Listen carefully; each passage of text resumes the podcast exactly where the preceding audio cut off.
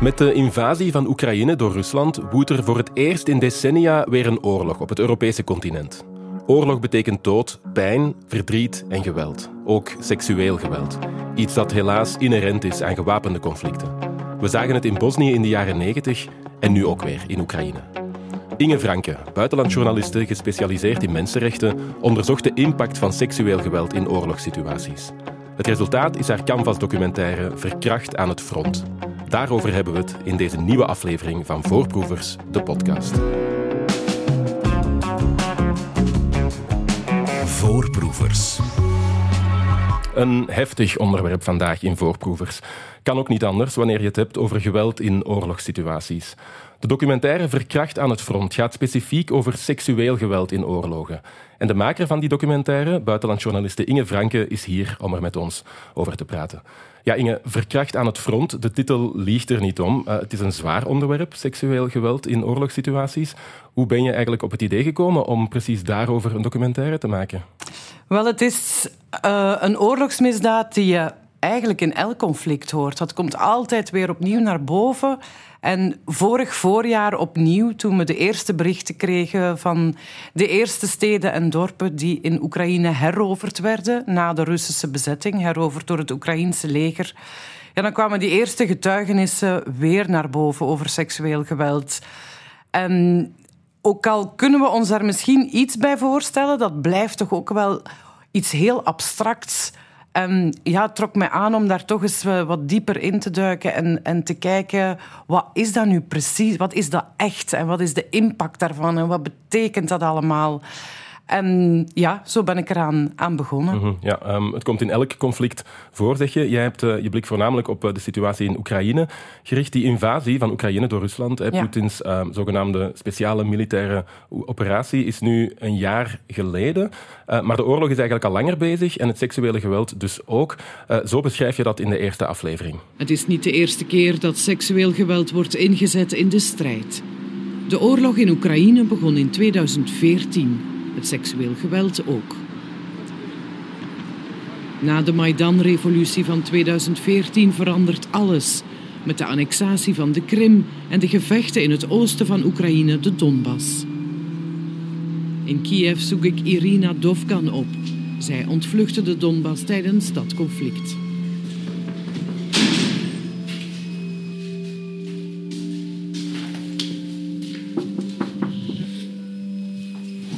Nice to meet you. Nice to meet you. Oh, you're working already? Yeah. Yes. Okay. Okay. Yes. Thank you. Thank you. Go ahead.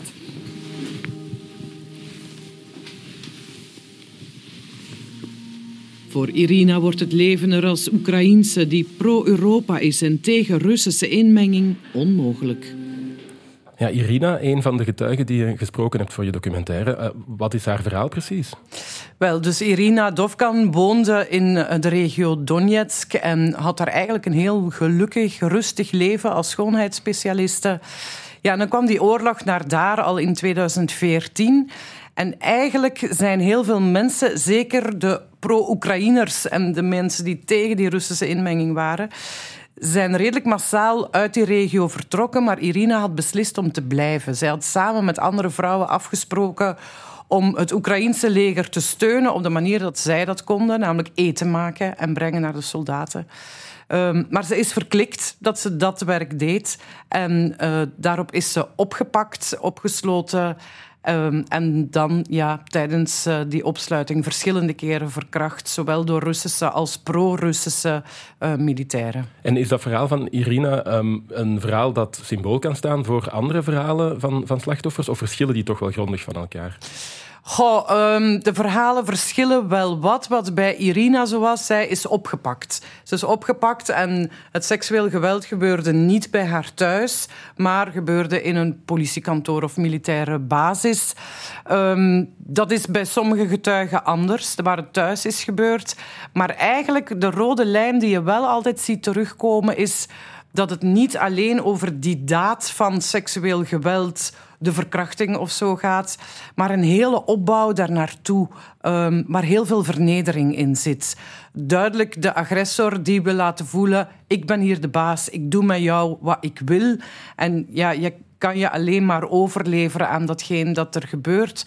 Mensen fysiek, eh, psychisch ook uh, kapot maken dat is wel een rode lijn die je altijd voelt terugkomen. Ja, als je dat zo hoort, uh, lijkt het toch een beetje voor ons uh, een ver van mijn bedshow, zou ik uh, durven zeggen. Um, is het dat ook? wij zitten niet in een oorlogssituatie, we kunnen ons er moeilijk een voorstelling van maken. Um, is er een relevantie voor ons ook, of blijft het toch vooral beperkt tot oorlogsgebieden?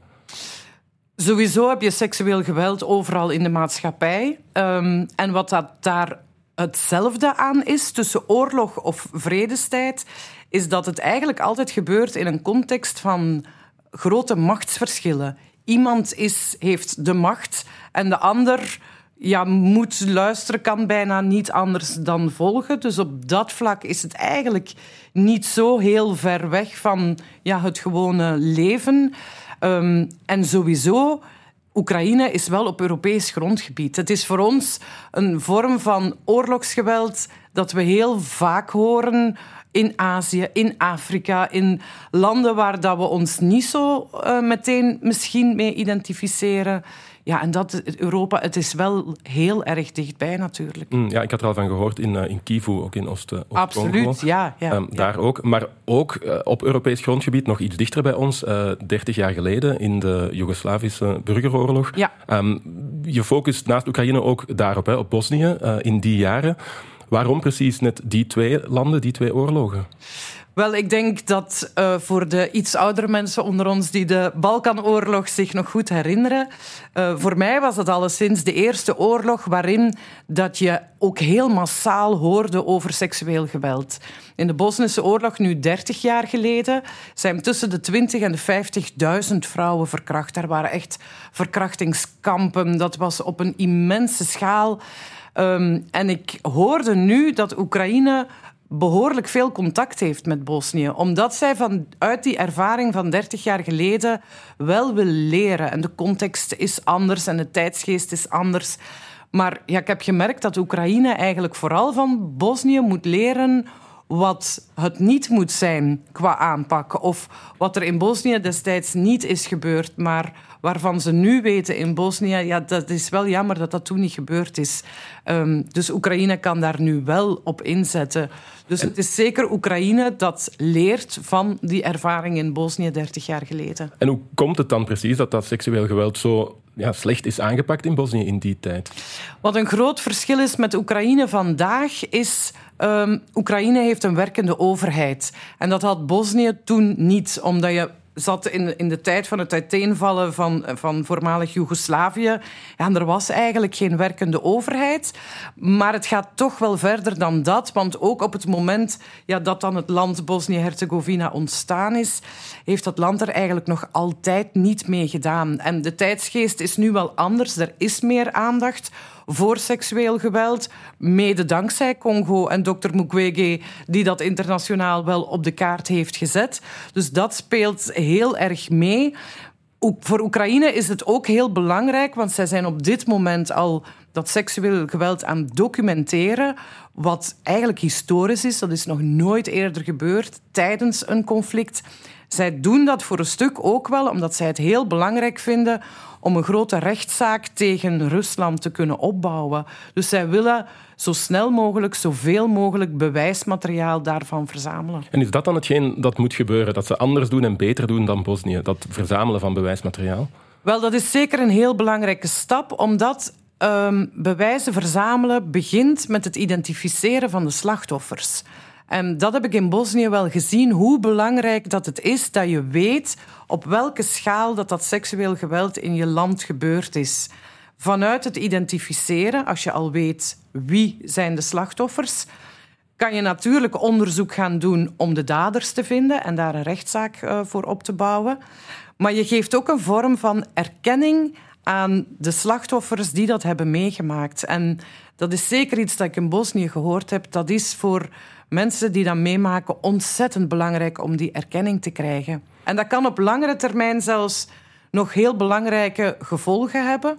Als een overheid uiteindelijk beslist om bijvoorbeeld een soort van schadevergoeding te geven aan de mensen die dat hebben meegemaakt, een beetje zoals je doet met oud-strijders, ja, dan kom je niet in aanmerking als je nooit dat officiële label gekregen hebt van je bent een slachtoffer van de oorlog, seksueel geweld of ander geweld om uiteindelijk ook vergoedingen daarvoor te kunnen krijgen. Hm, dus ook echt een juridische uh, consequentie die daar vasthangt. Ja. Um, zijn de learnings die Oekraïne trekt um, ja, over hoe ze het aanpakken, zijn die ook interessant voor de internationale gemeenschap court, uh, om in de toekomst beter om te gaan met seksueel geweld en de aanpak daarvan? Is Oekraïne daar als land mee bezig nu?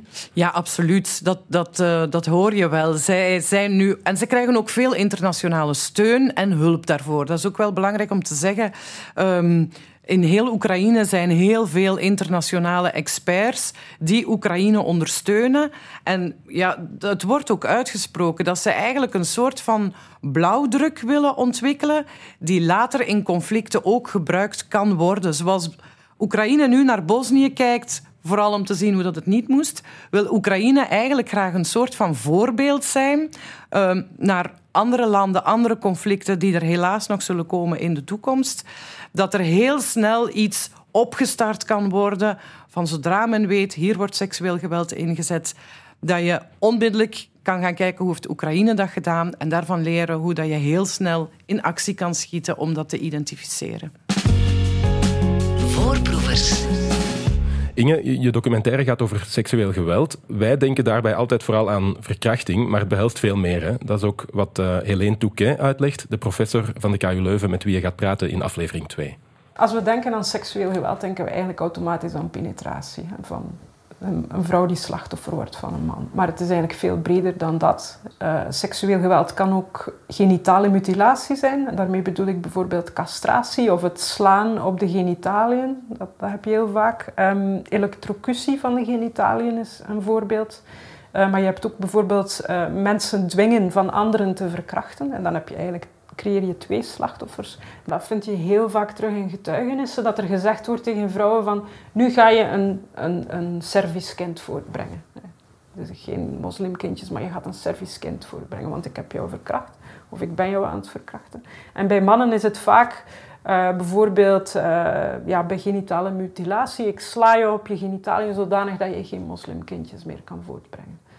Dat, dat, dat hoort er heel vaak bij en dat duidt wel op, op uh, wat, wat eigenlijk de achterliggende gedachte is. Het is het treffen van de reproductieve capaciteit van de volledige groep.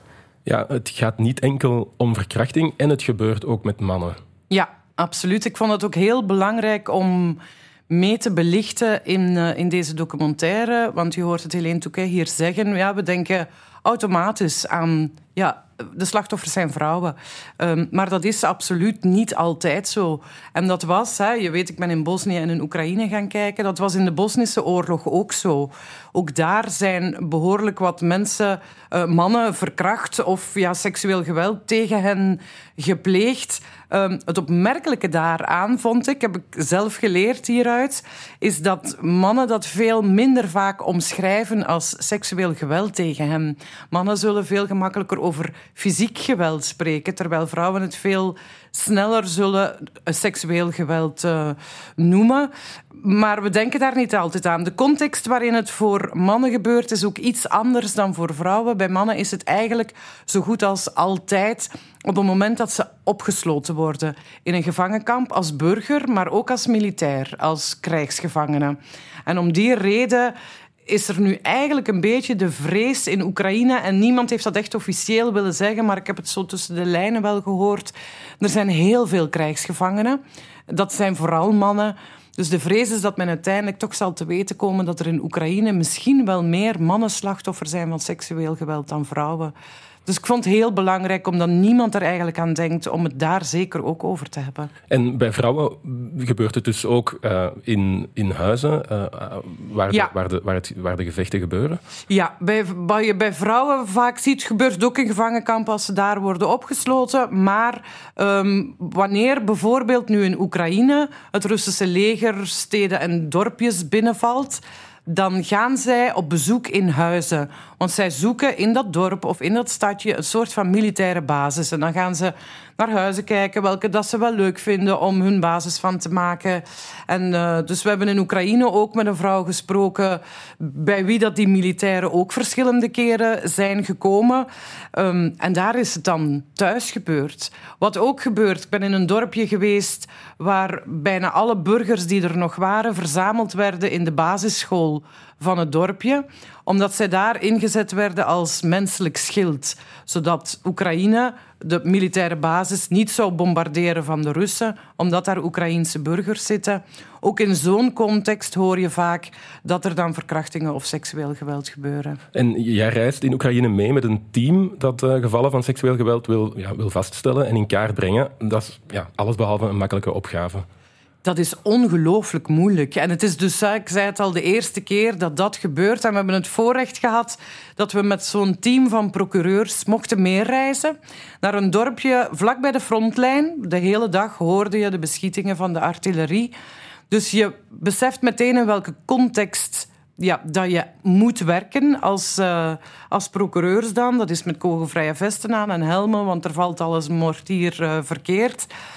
En zij komen dan aan in zo'n dorpje en zij moeten daar dan met mensen gaan praten om te zien, ja, zijn hier ook gevallen van seksueel geweld? Want dat is een sectie van procureurs, van onderzoekers, die heel specifiek werken rond seksueel geweld. Maar ze komen toe in dat dorpje. Uh, dat dorp waar wij waren is vijf maanden lang bezet geweest. Sinds april vorig jaar is daar niks van elektriciteit. Daar komt nog heel weinig eten binnen. Uh, mensen, hun huizen zijn kapotgeschoten. Dus die mensen hebben zoveel problemen om ja, gewoon te overleven. En dan komt dat seksueel geweld daar nog bij en merk je dat eigenlijk niemand daarover wil praten. Um, er is de schaamte, uiteraard. Er is heel veel stigma, dat is me ook heel erg opgevallen. Mensen willen niet dat zelfs liefste familie, maar zeker de buren of mensen in het dorp, niemand mag weten dat dat hen overkomen is. Want ja, ze worden toch een beetje met de vinger gewezen. Er wordt heel gemakkelijk een soort van victim blaming, wat we bij gewone verkrachtingen ook vaak zien. Hè? Ze had maar niet dit moeten aandoen of ze zag er ook aantrekkelijk uit. Dat hoor je dus in de oorlog blijkbaar ook. En dat vond ik toch ook wel heel erg opmerkelijk. Dat er dan gezegd wordt... Ja, maar je, je bent gebleven in het dorp. Of je had in de schuilkelder moeten blijven. Of je had geen oogcontact mogen maken. Maar al die factoren samen, samen met de angst ook dat de bezetters zullen terugkomen, maakt dat mensen daar eigenlijk niet willen over praten. Wat het werk van die procureurs die dat moeten onderzoeken onwaarschijnlijk moeilijk maakt. Dus die kunnen daar ook niet toekomen in een dorp en zeggen: Hallo, wij komen hier de oorlogsmisdaden onderzoeken. En dat deden ze blijkbaar in het begin van de oorlog of van de eerste bevrijdingen wel. Dan gingen ze naar een dorpje, ze riepen iedereen samen in de school bijvoorbeeld. En mensen moesten dan hun hand opsteken van... Uh, ja, zijn hier oorlogsmisdaden gepleegd? Wie heeft dat gezien? En dan moesten de handen omhoog. En dan kwam die vraag ook over seksueel geweld. Ja, er kwamen natuurlijk geen handen omhoog. Dus ze hebben wel heel snel geleerd dat ze dat anders moeten aanpakken. Dus wat doen zij nu? Zij gaan bijvoorbeeld um, met dozen met hulpgoederen in het dorp van huis naar huis om met de mensen te praten. Nu, ze hebben ook wel wat informatie, achtergrondinformatie. En ze weten wel langs welke huizen ze zeker moeten gaan, want dat zou wel eens kunnen dat daar een slachtoffer is. Maar ze komen daar binnen en ze vragen: wat kunnen wij doen voor jou? Welke hulp heb jij nodig? En ze willen eigenlijk in de eerste plaats contact maken met mensen en daaruit afleiden. En er is altijd een psycholoog bij die daarbij helpt om dat te zien. Is hier iets gebeurd of niet? En dat gesprek over wat is er nu eigenlijk gebeurd met jou, dat komt vaak niet tijdens dat eerste bezoek. Dat is nog maar in kaart brengen. Is hier mogelijk iets gebeurd? En van daaruit beslissen wat kunnen we doen om die mensen voor te helpen. En dan zullen we wel verder zien wanneer die klaar zijn om hun verhaal te vertellen en ja, welke onderzoeksdaden moeten er verder gebeuren? Ja, en wat daar ook bij helpt, is dat er een vrouw in dat team aanwezig is. Wordt ook benadrukt in die documentaire. Ja, dat is ook heel belangrijk om uh, mensen, vooral vrouwen dan die uh, verkracht zijn of slachtoffer geworden zijn van seksueel geweld, om die uh, in een comfortabelere positie te brengen om te praten over wat er hen overkomen is. Ja, dus elk onderzoeksteam dat er nu op uittrekt, heeft twee procureurs mee en altijd een man en een vrouw. Um, omdat ze dan effectief kunnen zien naar de mogelijke vrouwelijke slachtoffers, of waar ze al zeker van zijn, zullen ze altijd eerst de vrouwelijke procureur sturen en dan zien of die er comfortabel mee is dat er ook een man aanwezig is wanneer dat zij haar verhaal doet. Maar evengoed komen ze de slachtoffers, mannelijke slachtoffers tegen, die liever niet hebben dat een vrouw erbij is wanneer ze hun verhaal vertellen. En dan kunnen ze afwisselen. En dat is ook iets wat ze dus heel snel geleerd hebben en nu consequent toepassen. Ja, het is ook begrijpelijk natuurlijk, want het trauma is uh, heel groot en het, het snijdt heel diep. Um, we horen hier een andere getuige, een kort fragmentje, want het is in het Oekraïens.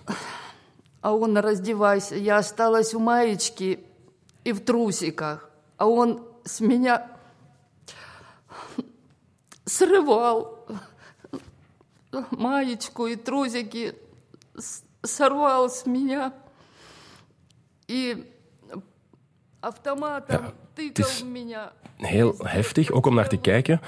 Je ziet haar echt breken voor, voor de camera als ze die herinneringen terughaalt, mhm. logisch ook. Eh, slachtoffers lijden aan dat trauma, lijden ook aan posttraumatische stress vaak. Ja, absoluut. En de meeste slachtoffers willen er ook niet over praten, of zeker publiekelijk niet over praten. En deze vrouw wilde dat wel. Wij zijn naar haar gegaan samen met de vrouw waar we het aan het begin van de uitzending over hadden, Irina Dovkan, die het uh, in de Donbass heeft meegemaakt, dat seksueel geweld in 2014. Die Irina heeft intussen een organisatie opgericht waarbij dat ze de slachtoffers van nu, van deze invasie, wil helpen. Waar ze heel goed geplaatst voor is, omdat ze het zelf heeft meegemaakt. Nu, niet alle slachtoffers zouden dat aankunnen, maar Irina is echt een ongelooflijk straffe madame. Um, en ze werkt nu onder de vleugels van de Mukwege Foundation, hè, genoemd naar de Congolese arts die zich al jarenlang met seksueel geweld bezighoudt. Irina heeft ons meegenomen naar deze getuigen. En we hebben op voorhand heel goed doorgepraat of zij haar verhaal echt wel wilde doen voor de camera. Want ze is ook bang. Ze is ook bang voor Russische represailles. Maar ze zei: Ik wil wel dat de wereld dit weet. Ik wil dat mensen beseffen wat wij hier meemaken. En ze is gebroken voor de camera. Ik was heel blij, ik zou het ook anders niet gedaan hebben, dat Irina, die voor deze getuigen echt een vertrouwenspersoon is, het was heel belangrijk dat hij daarbij was. En dat deze getuige zich ook heel veilig voelde en ook wist dat ze op elk moment kon stoppen. Het, het was heel moeilijk op het moment zelf, maar we zijn achteraf nog lang bij haar gebleven. We hebben nog heel lang gepraat. En het opmerkelijke was wel hoe moeilijk ze het ook vond om het allemaal te vertellen op een of andere manier had het toch wat druk van haar schouders gehaald.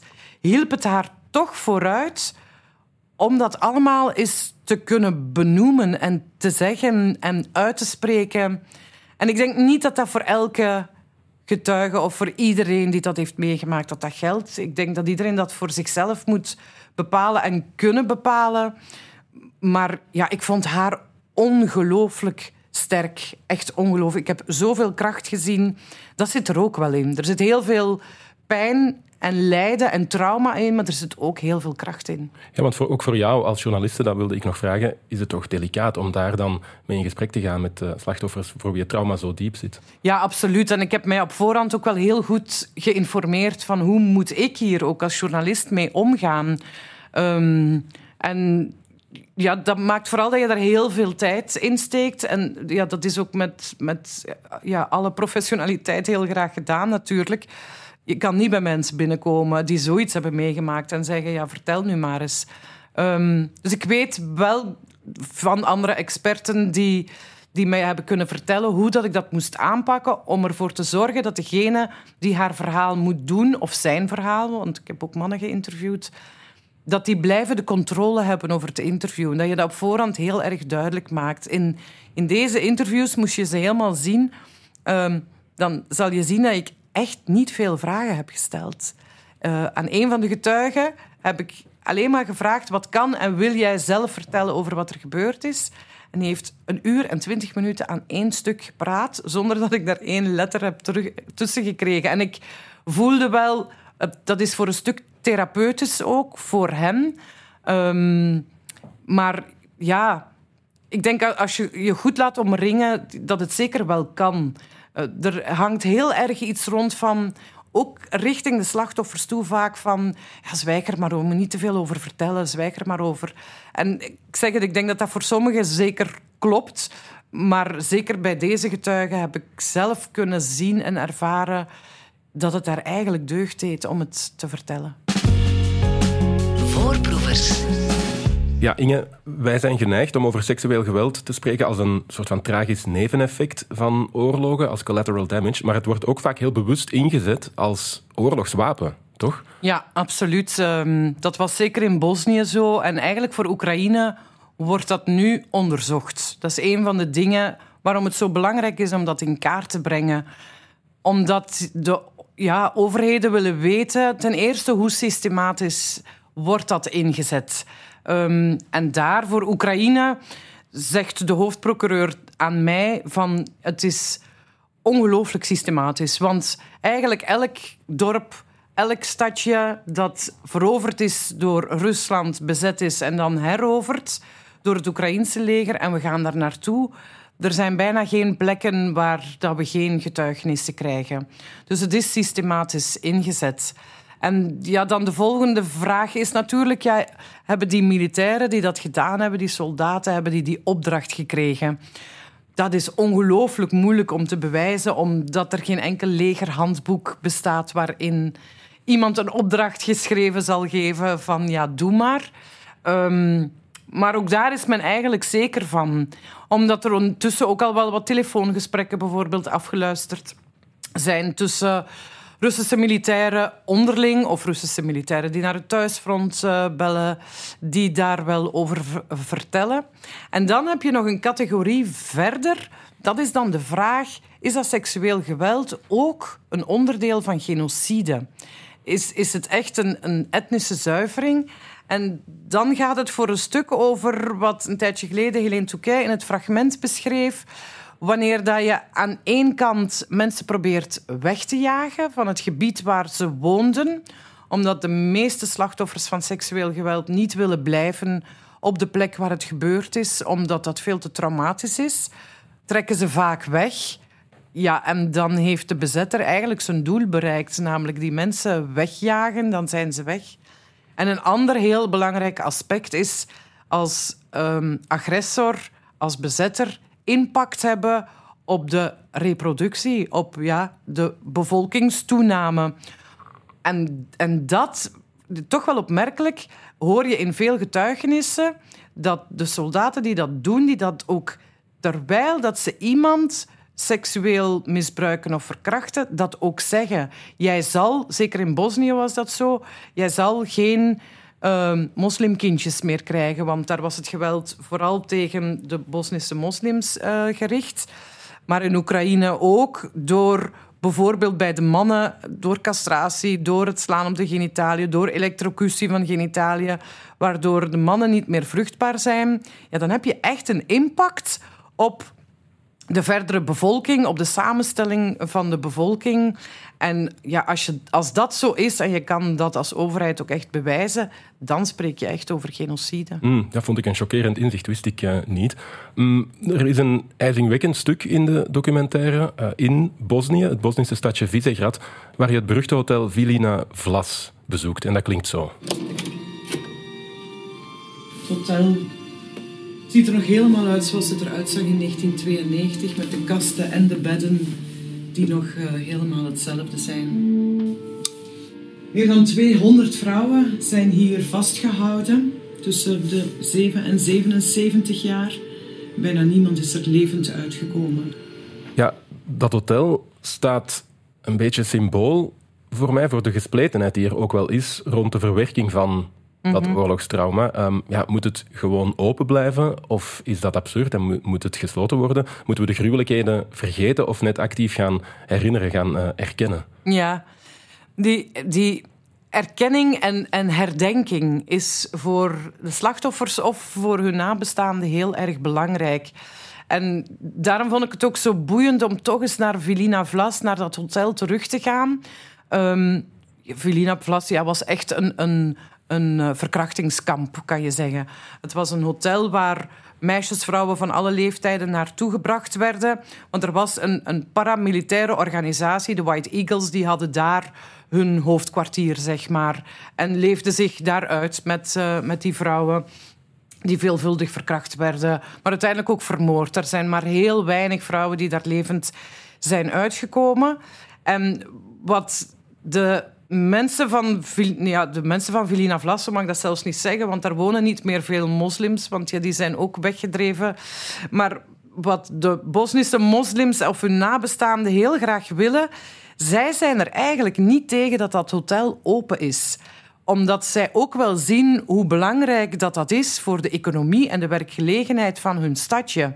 Het enige wat zij vragen is dat daar een herdenkingsplaatje mag hangen waar herinnerd wordt aan de gruwelijke oorlogsmisdaden die daar gepleegd zijn in 1992-93. Vilina Vlas ligt in Visegrad. Op dit moment is dat een autonome regio binnen Bosnië en Herzegovina, de Republika Srpska, een, een gebied. En volgens de uh, Bosnische moslims, zij zeggen ja, de huidige machthebbers in, in Visegrad, die willen die herdenking niet. Want het waren hun familieleden die die misdaden gepleegd hebben. En dat zou een erkenning zijn van schuld, van oorlogsschuld. Dus zelfs in Bosnië-Herzegovina, dat is nu 30 jaar geleden. Dat is eigenlijk een land waar wij hier in België niet meer zo heel veel over horen. Af en toe wel, omdat de spanningen opnieuw aan het toenemen zijn. Voel je dat daar wel nog een onverwerkt oorlogsverleden is, waar het heel moeilijk is om te erkennen en uit te spreken wat er destijds gebeurd is. En dat blijft voor de Bosnische moslims wel een strijd. Zij vragen niet dat het hotel sluit. Ze willen gewoon ja, eigenlijk dat erkend wordt wat daar gebeurd is en dat er een plaatje mag hangen om daaraan te herinneren. Maar dat kan dus niet. Ja, de staat wil daar niet aan meewerken, wil daar niet van, van horen. Die staat, ja, die hebben ook wel boter op het hoofd natuurlijk, omdat ze toen zo weinig gedaan hebben. Ehm, en nu nog steeds, uh, omdat uh, toch vooral NGO's, VZW's zijn die nu het werk doen uh, in Bosnië um, rond ja, aanpakken van slachtoffers van, van seksueel geweld werk dat eigenlijk de staat zou moeten doen. Wel, dat is wat uh, Bakira Hasesic uh, vertelt. Dat is ook een van de personages uit onze uh, documentaire. Bakira woonde in Visegrad tijdens de oorlog. Um, is daar en getuige geweest en slachtoffer geweest van seksueel geweld. Um, behoorlijk verregaand, maar ze, zelfs zij kan het na 30 jaar nog altijd niet uitspreken of wil het niet meer uitspreken. Heeft het wel gedaan, maar denkt ja, het is nu wel goed geweest. Um, maar zij heeft omdat ze zag dat de overheid volgens haar te weinig deed om gewoon in kaart te brengen wat is hier gebeurd, heeft zij een vereniging opgericht en is ze zelf getuigenissen gaan verzamelen. En ze heeft er tienduizenden. Um, ze heeft echt archiefkasten vol met verhalen van vrouwen, maar ook mannen die seksueel geweld hebben meegemaakt, getuigen. Dat was haar eerste doel, om um, die slachtoffers in beeld te brengen. Ze vindt dat heel belangrijk naar de volgende generaties toe. Maar ze gaat ook een stap verder. Ze doet ook aan het identificeren van de daders. En daar is ze wel heel boos van dat de Bosnische overheid dat niet doet. Ze zegt, wij doen hier eigenlijk... Wij werken als een politiemacht. En zij heeft heel veel bronnen. Iedereen in Bosnië weet waar dat ze mee bezig is. Dus zij krijgt regelmatig wel tips over oorlogsmisdadigers van destijds... die bijvoorbeeld een paar jaren weg zijn geweest naar het verre buitenland, maar heel vaak naar Servië of naar Rusland, en die terug zijn gekomen. En dan gaat zij ja, bijna in het gras sluipen om foto's te trekken dat die effectief teruggekomen zijn. En dan stuurt ze die foto's naar de rechtbank in Bosnië en belt ze de procureur op en zegt ze: ga hem maar arresteren. En dat doet zij dus. Het is een sterke vrouw en een fantastische getuige, Bakira Hasesic. Inge ik wil je bedanken om bij ons te zijn en het te hebben over je documentaire Verkracht aan het front. Tweedelige documentaire die vanaf nu zaterdag 25 februari op VRT Max staat en ook te zien is op Canvas op 25 februari en 4 maart. Voorproevers. Je luisterde naar de podcast van Voorproevers. Deze en alle andere afleveringen vind je op VRT Max. Of luister live, elke week van maandag tot donderdag om 6 uur s avonds en zaterdagmiddag om 12. Voorproevers.